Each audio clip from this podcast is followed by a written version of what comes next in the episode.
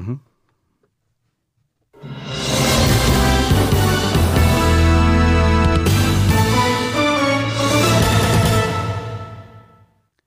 tere kena kolmapäeva, head erisaate kuulajad! mina olen Eesti Päevalehe ajakirjanik Joosep Tiks ja täna minul külas Eesti Üliõpilaskondade Liidu asejuht Joonatan Nõgisto, tervist! tervist! ja teema, millesse me lähme täna, on siis välistudengid. Just nimelt sellepärast, et üleeile otsustas valitsus siis äh,, loen need punktid ette, mida nad otsustasid äh, seoses siis välistudengitega ehk siis piirata neid inimesi, keda nad kaasa võivad võtta, pereliikmetest siis, kui nad on üksikvanemad, võivad tuua oma alaealise lapse, äh, ja siis oli ka punkt, et kui elamisluba lõpeb neil, siis kui nad on eksmatrikuleeritud, siis on seal kolmkümmend päeva. Selle juurde me veel jõuame, kas nad peavad siis riigist lahkuma või mis selle kolmekümne päevaga saab täpselt. Ja lisaks veel muud punktid seal, mis puudutavad siis kas seda kahenädalast isolatsiooni või kes siis maksab selle transpordi siia riiki, aga ma arvan, et need, need küsimused ei ole isegi niivõrd meie arutelu teravik, vaid küsimus on siis need laiemad piirangud, mis tulevadki äh, Äh, Eestisse tulevatele välistudengitele, et äh, nüüd nendele punktidele, kas, kas ma loetlesin nad kõik, Joonatan, ette või, või sooviksid sa nendele veel midagi lisada, et mis seal valitsus otsustas? no see, mida konkreetselt veel otsustati, mis võib-olla jäi äh, puutumata ja mille kohta on ka tegelikult küsimused, on, et äh, ingliskeelsetel õppekavadel peab olema õppemaks tulevikus, tegelikult see on juba see vist on igal pool nagunii? Äh, on, on erandeid, aga praegu on juba ülikoolide halduslepingutes sees, et iga uus äh, ingliskeelne õppekava peab olema vähemalt tuhande viiesaja eurose õppemaksuga. aga mis põhimõtteliselt esmaspäeval juhtus, äh, kolm erinevat nagu valdkonda, millest võib rääkida, esiteks siis niisugused lühiajalised otsused, mis puudutavad välisüliõpilaste saabumist riiki nüüd sügissemestril see oli kindlasti niisugune oodatav äh, äh, lahendus, kuid tekitas väga palju uusi küsimusi, et kuidas see jah, praktiliselt nüüd välja hakkab nägema. teine on siis need konkreetsed otsused, mis tehti või tegelikult on kavatsused, Eesti on ikkagi parlamentaarne riik, tulet-, tuletame meelde, et need on sellised valitsuse kokkulepped, et kuidas nemad pikaajalisemalt hakkavad õpirännet tahtma reguleerida. ja kolmas on tegelikult need otsused, mida ei tehtud, aga mis on nagu selle tausta juures ja mida ka mõned valitsuse liikmed nagu äh, välja kommunikeerisid selle äh, selle kokkuleppe osana, ehk siis äh, juttu on juba eelmise aasta lõpus Siseministeeriumi poolt tulnud välismaalaste seaduse muutmise eelnõust, mis siis seaks piirangud välisüliõpilaste Eestis viibimisele ja, ja ka töötamisele näiteks, et Äh, kindlasti esmaspäeval oli kõige suurem küsimus see, et mis sellest äh, eelnõust, mis äh, ei läbinud kooskõlastamist kõikide partneritega, mis sai tohutut kriitikat sidusrühmade poolt, ka Eesti Üliõpilaskondade Liidu poolt, et mis sellest nüüd lõpuks valitsusel nagu sinna kokkuleppe sisse jäi? Lähme võtame punkthaaval siis nende asjad ette. Võtame siis esialgu siis selle, et uksed küll tehti lahti, kuigi senimaani vist oli teadmine, et ikka püsivad kinni. kedagi ei lasta sisse, kuna oli koroona ja igasugused piirangud ja nii edasi et äh, ma vaatasin, lugesin äh, välistudengeid, Ärileht jaanuaris kirjutas meil, äh, on Eestis kus üle viie tuhande umbes mis siis moodustab üksteist protsenti üliõpilaskonnast. see on juba isegi natuke, see on eelmise aasta oma, nüüd on isegi rohkem, viis tuhat viissada on viimastel andmetel ja kaksteist koma kaks protsenti Eesti üliõpilaskonnast juba. no vot, et isegi kasvavad numbrid. et kui nüüd need piirangud kehtestatakse siin, siis kui suurt osa äh, nendest tudengitest, kes siin Eestis äh, õpivad, äh, need piirangud puudutama hakkavad? No piirangud muidugi puudutavad mitte Euroopa Liidust pärit välisüliõpilasi või noh, tegelikult need ja OECD ka, et jälle ukrainlased Need on need pikaajalised, muidugi need lühiajalised, mis puudutavad riskipiirkondadest, need võivad, need puudutavad ka Euroopa Liidust tulevaid inimesi, kui seal on kõrge nakatumiskordaja aga no selle lühiajaliselt mul on raske öelda, et kuna see puudutab mõnda Euroopa Liidu riiki, aga kui me räägime nagu kolmandatest riikidest pärit üliõpilastest, need on üle poole väli, välisüliõpilastest Eestis, ehk siis kuskil kuuskümmend viis protsenti. Ja noh, tavaliselt tuleb iga aasta siia üle, ikka üle tuhande neid, et me räägime ikkagi päris suurtest arvudest mis äh, ja nüüd ongi, et kui äh, äh, kõrgkoolidele sätestatakse kohustus, et tagada kahenädalane isolatsioon just nendest riskipiirkondadest tulevatele välisüliõpilastele, siis praegu on väga ebaselge, kas kõrgkoolidel on üldse need vahendid selle tagamiseks, sest selleks eraldi raha ju eelarves pandud ei ole, ei ole tööjõudu, et tagada transporti, toitlustust ja kõike seda, et, et kui see võimalus, mis nüüd anti, et see oleks reaalselt äh, nagu teostatav, siis tõenäoliselt kõrgkoolid ootavad siit ka mingit riigipoolset abi. ma kujutan ette, et äh, nende numbrite juures siis Raatuse ühiselamu tuleks tühjaks teha ja kaheks nädalaks eraldada siis äh, Tartu Ülikoolis välistudengitele, kes saaksid seal isolatsioonis olla? Jah, ütleme nii, Raatuse, see oli võib-olla natuke niisugune testi versioon sellest, aga me räägime seekord tunduvalt suurematest numbritest mm. -hmm. muidugi rääkides välisõpil-, üliõpilastest, siis nad ju maksavad päris suure summa, seesama Ärilehe artikkel, kus ma need arvud võtsin, et seal äh, vaadati kokku, äh, et sotsiaal- ja tulumaksust tuleb juba umbes kümme miljonit eurot välistudengitel. lisaks siis veel õppemaks, mida seal ei arvutatud juurde. Et äh, praegu võttes neid välisüliõpilasi, kes Eestis on, miks nad üldse on nõus siia tulema või maksma, kui kogu aeg üritatakse neid välja ajada või, või kuidas see sedapidi, see liikumine ikkagi toimib? seni ei ole neid niimoodi välja aetud, ega see praegune olukord, kus meil on kaksteist protsenti üliõpilaskonnast on on äh, rahvusvahelised üli, äh, üliõpilased, see on ikkagi viimase viieteist aasta teadliku poliitika tulemus. esimene Eesti kõrghariduse rahvusvahelistumise strateegia alates kaks tuhat kuus aastast on aina näinud eesmärgina äh, Äh, rahvusvaheliste üliõpilaste osakaalu kasvu ja viimases ka praegu kehtivates äh, programmides, näiteks kõrgharidusprogrammis ja kõrghariduse rahvusvahelistumise tutvustamise strateegias on, tavaliselt on see, et praegu on sätestatud indi-, eduka indikaatorina, et rohkem kui kümme protsenti. Äh, Eesti ka miks siia tullakse, on üks võimalus, mis tõesti on Eestis võib-olla natukene haruldane Euroopas, on see, et tõesti me ei piira äh, Äh, rahvusvaheliste üliõpilaste töötamist. Äh, no see piirang on, et sa ei tohi õpinguid äh, segada. aga see on selles mõttes ka ei, seab ikka üpriski vabad, vabad piirid ja kui me, hiljuti just tuli uuring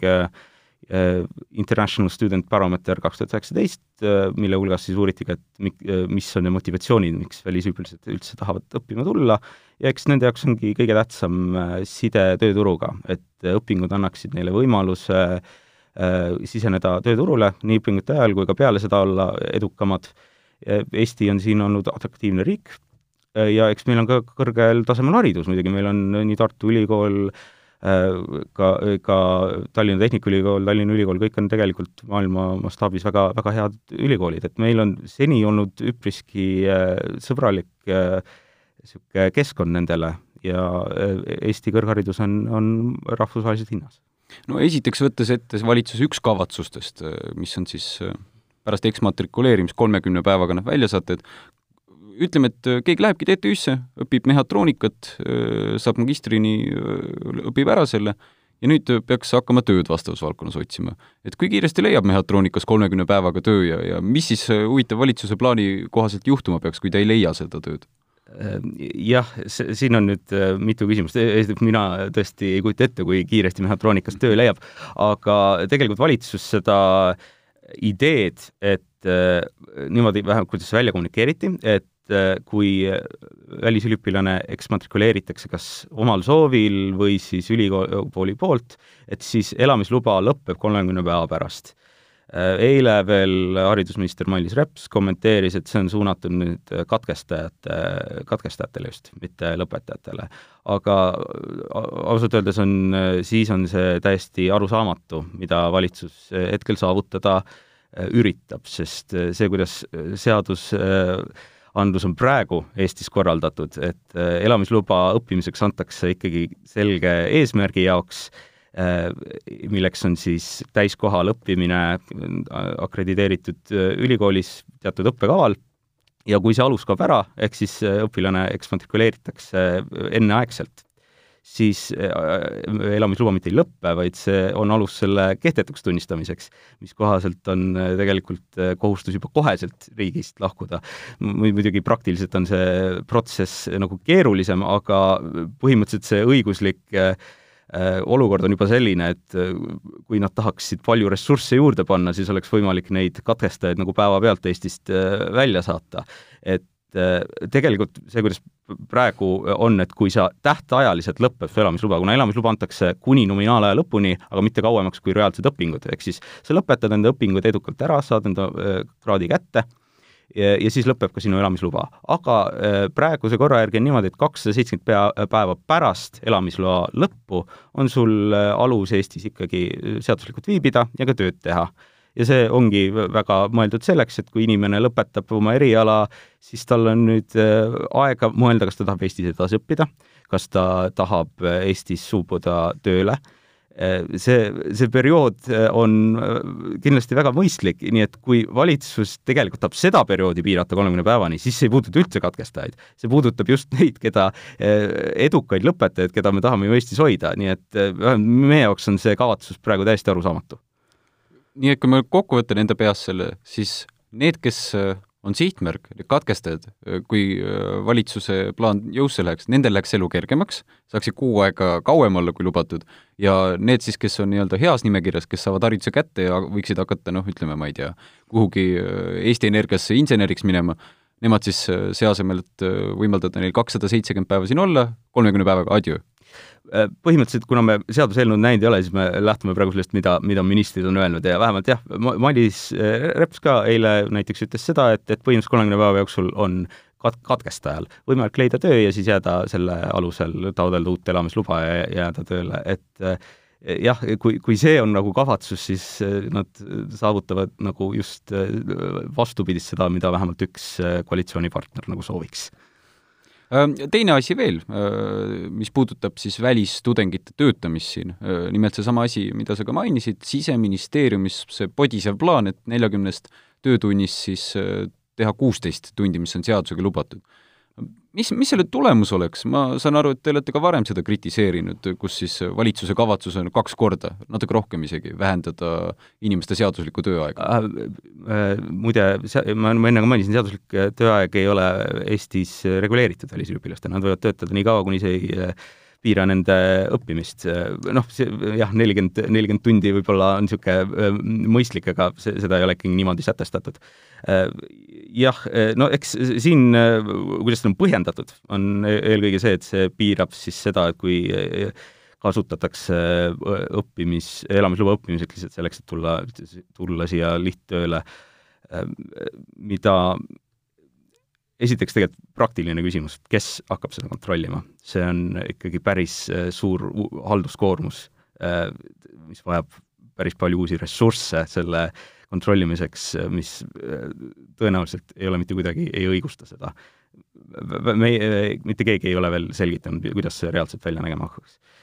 aga teiseks, no Eesti Üliõpilaste Liidu positsioon on siin selles mõttes üpriski selge, et äh, üliõpilasi tuleks kohel-, kohelda võrdselt. ka kohalikud üliõpilased töötavad õpingute kõrvalt isegi rohkem kui rahvusvahelised üliõpilased.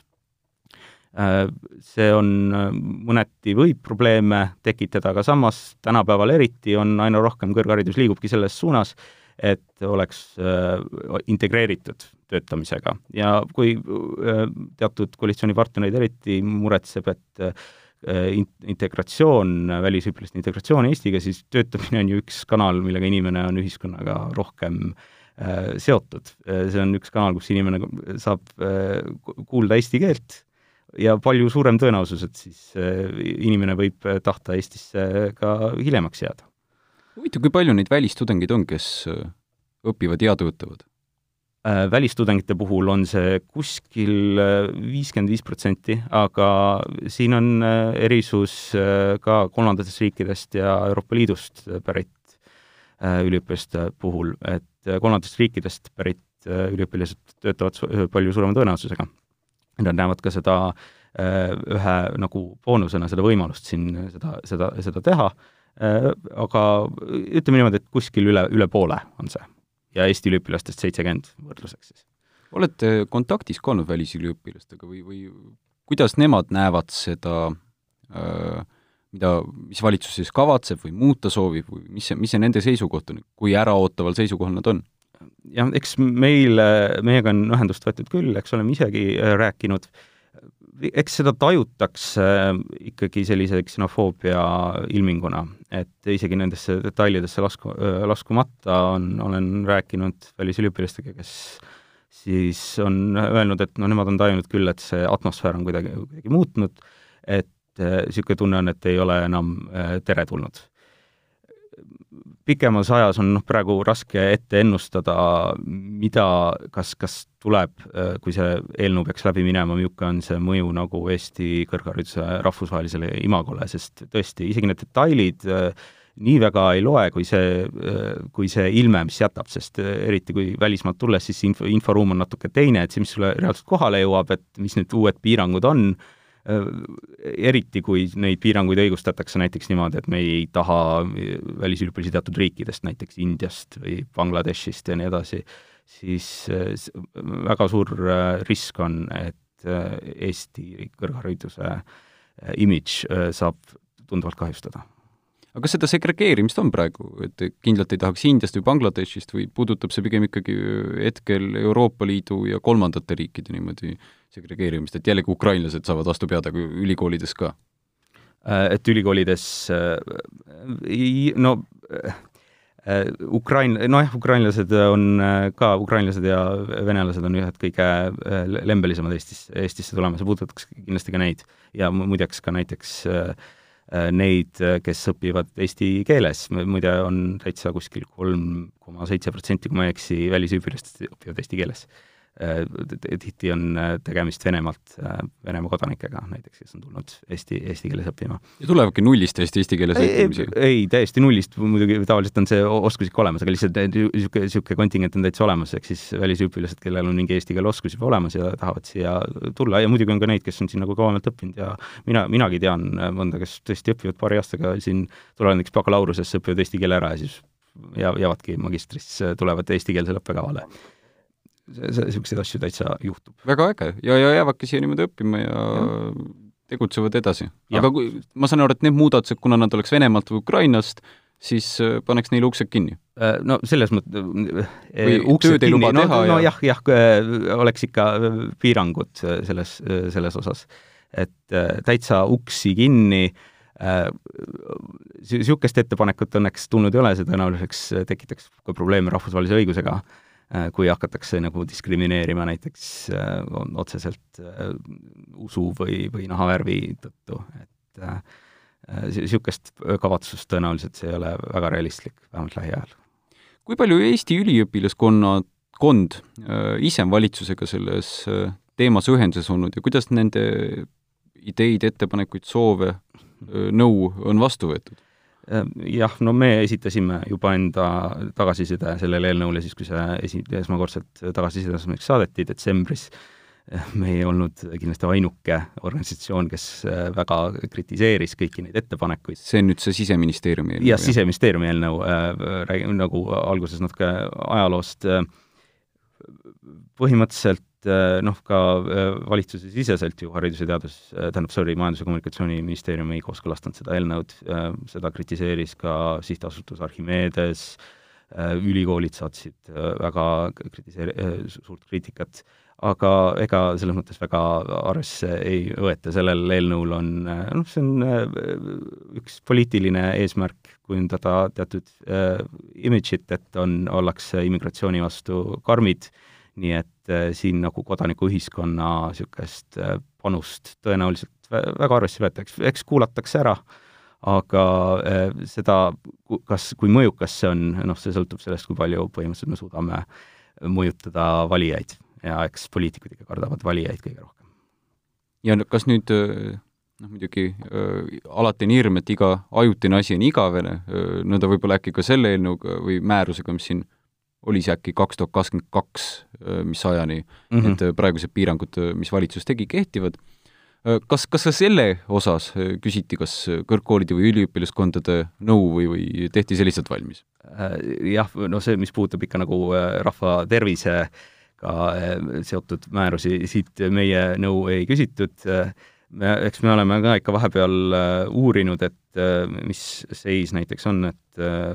no see muidugi puudutab eelkõige Politsei- ja Piirivalveametit, et me, me, meie poole on ikka pöördunud välisüliõpilased, et, et viisasid ei väljastata ja tegelikult informatsiooni ei liigu, et väga paljud on tõenäoliselt juba oma plaanid katki jätnud praegu, kuna noh, eeldavad, et, et ei saa. et siin olid ka ülikoolid kuni esmaspäevani väga, väga suures infosulus, sest nende otsused, no, no mingil määral arusaadav, et selliseid äh, Äh, noh, mis puudutab ikkagi rahva tervist äh, ja võetakse sisendit äh, epidemioloogidelt, et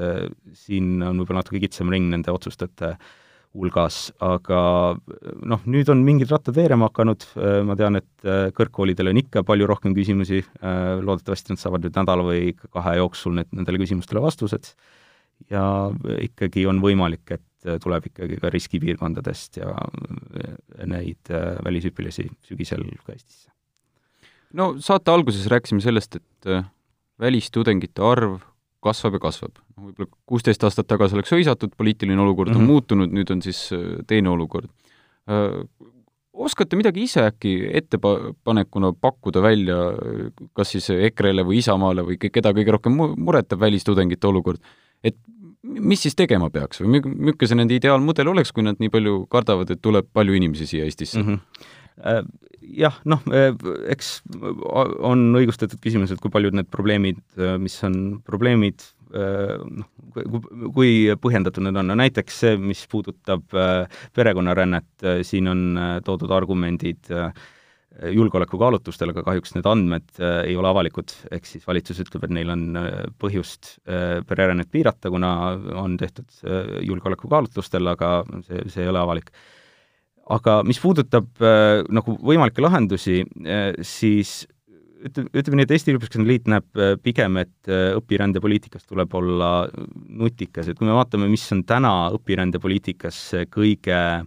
state of the art nii-öelda, see, kuidas äh, riigid nagu Skandinaavias või ka, või ka Saksamaa lähenevad, et äh, proovitakse mõjutada neid äh, võrgustikke või neid äh, kanaleid, mille läbi äh, Äh, välisüliõpilased üldse otsustavad tulla. näiteks lugesin hiljuti ühte huvitavat äh, teadusartiklit, kuidas Saksamaa kõrgkoolid on äh, uurinud väga palju, kuidas sotsiaalmeedia igasugused kanalid kasutatakse Indiast pärit üliõpilaste poolt, et kandideerida IKT valdkonda Saksamaal ja noh, muidugi nendes äh, kommuunides on, vahel liigub ka niisugust äh, nagu äh, nõuannet, mis, mis on põhimõtteliselt äh,, annab juhiseid, kuidas väärkasutada seda süsteemi, aga, aga mitmed Saksa kõrgkoolid on hakanud neid kanaleid mõjutama niimoodi, et näiteks ma ei tea, palganud äh, enda äh, inimesed, kes on nende kanalite kaudu tulnud, et nad annaksid seal täpsemat infot ja et niisugust infot, mis oleks just suunatud nendele välisüpilastele, keda tahetakse riiki tulla. Äh, igatahes see fookus, mis on nagu tänapäeval on, on niisugusel mõistel nagu hargmaisus, ehk siis tänapäeval on inimene erinevates ühiskondades nagu eksisteerib korraga ja on väga paljudes niisugust võrgustike äh, nagu äh, osa. ja tänapäeval selle asemel, et teha niisugused kindlad piirangud, et noh, näiteks perekond enam kaasa võtta ei saa, niisugused väga, selged keelud, et siis proovitakse niimoodi nutikamalt Äh, mõjutada neid äh, võrgustikke, sest inimene isegi, kui ta ei jää tööle riiki pärast õpinguid, läheb tagasi, ta on ikkagi seotud selle riigiga, kus ta äh, õpinguid, õpingud ju läbi viis. nii et õpirännet ei tohiks tulevikus näha ei sellena, et lihtsalt ekspordime haridust, ega ka sellena, et me saame tööjõudu juurde, vaid et äh, mõjutame seda, kuidas Eesti äh, inimesed välismaal Eesti kõrgharidusest äh, tajuvad, kuidas nad sellest osa võtavad ja mida nad siis hiljem kas Eestis või mujal üldse nagu selle kõrgharidusega peale hakkavad, et näiteks alustavad firma enda koduriigis, aga võtavad ühendust ka Eesti partneritega, kes tekkisid õpingute ajal, et jah, ma rõhutaksin, et tuleks olla nutikam, mitte sellised äh, suured äh, piirangud, mis on lihtsad, aga mis äh, tõenäoliselt pikamaajaliselt lihtsalt tekitavad niisuguse olukorra, kus Eesti kõrgharidus ei ole rahvusvaheliselt konkurentsivõimeline. loodame, et kui järgmine kord mõnda eelnõud tehakse, et isegi kui äh, teid ei kutsuta, vähemalt kuulatakse praegu selle natukesegi ära, et mm -hmm. mis võiks teha. aga tänan teid, Joonatan, saatesse tulemast, oli väga meeldiv vestelda ja samamoodi tänan ka erisaate kuulajaid taas kord meiega umbes pooltunnikese veetmast. aitäh! aitäh! ja kuuleme taas kord juba järgmine kord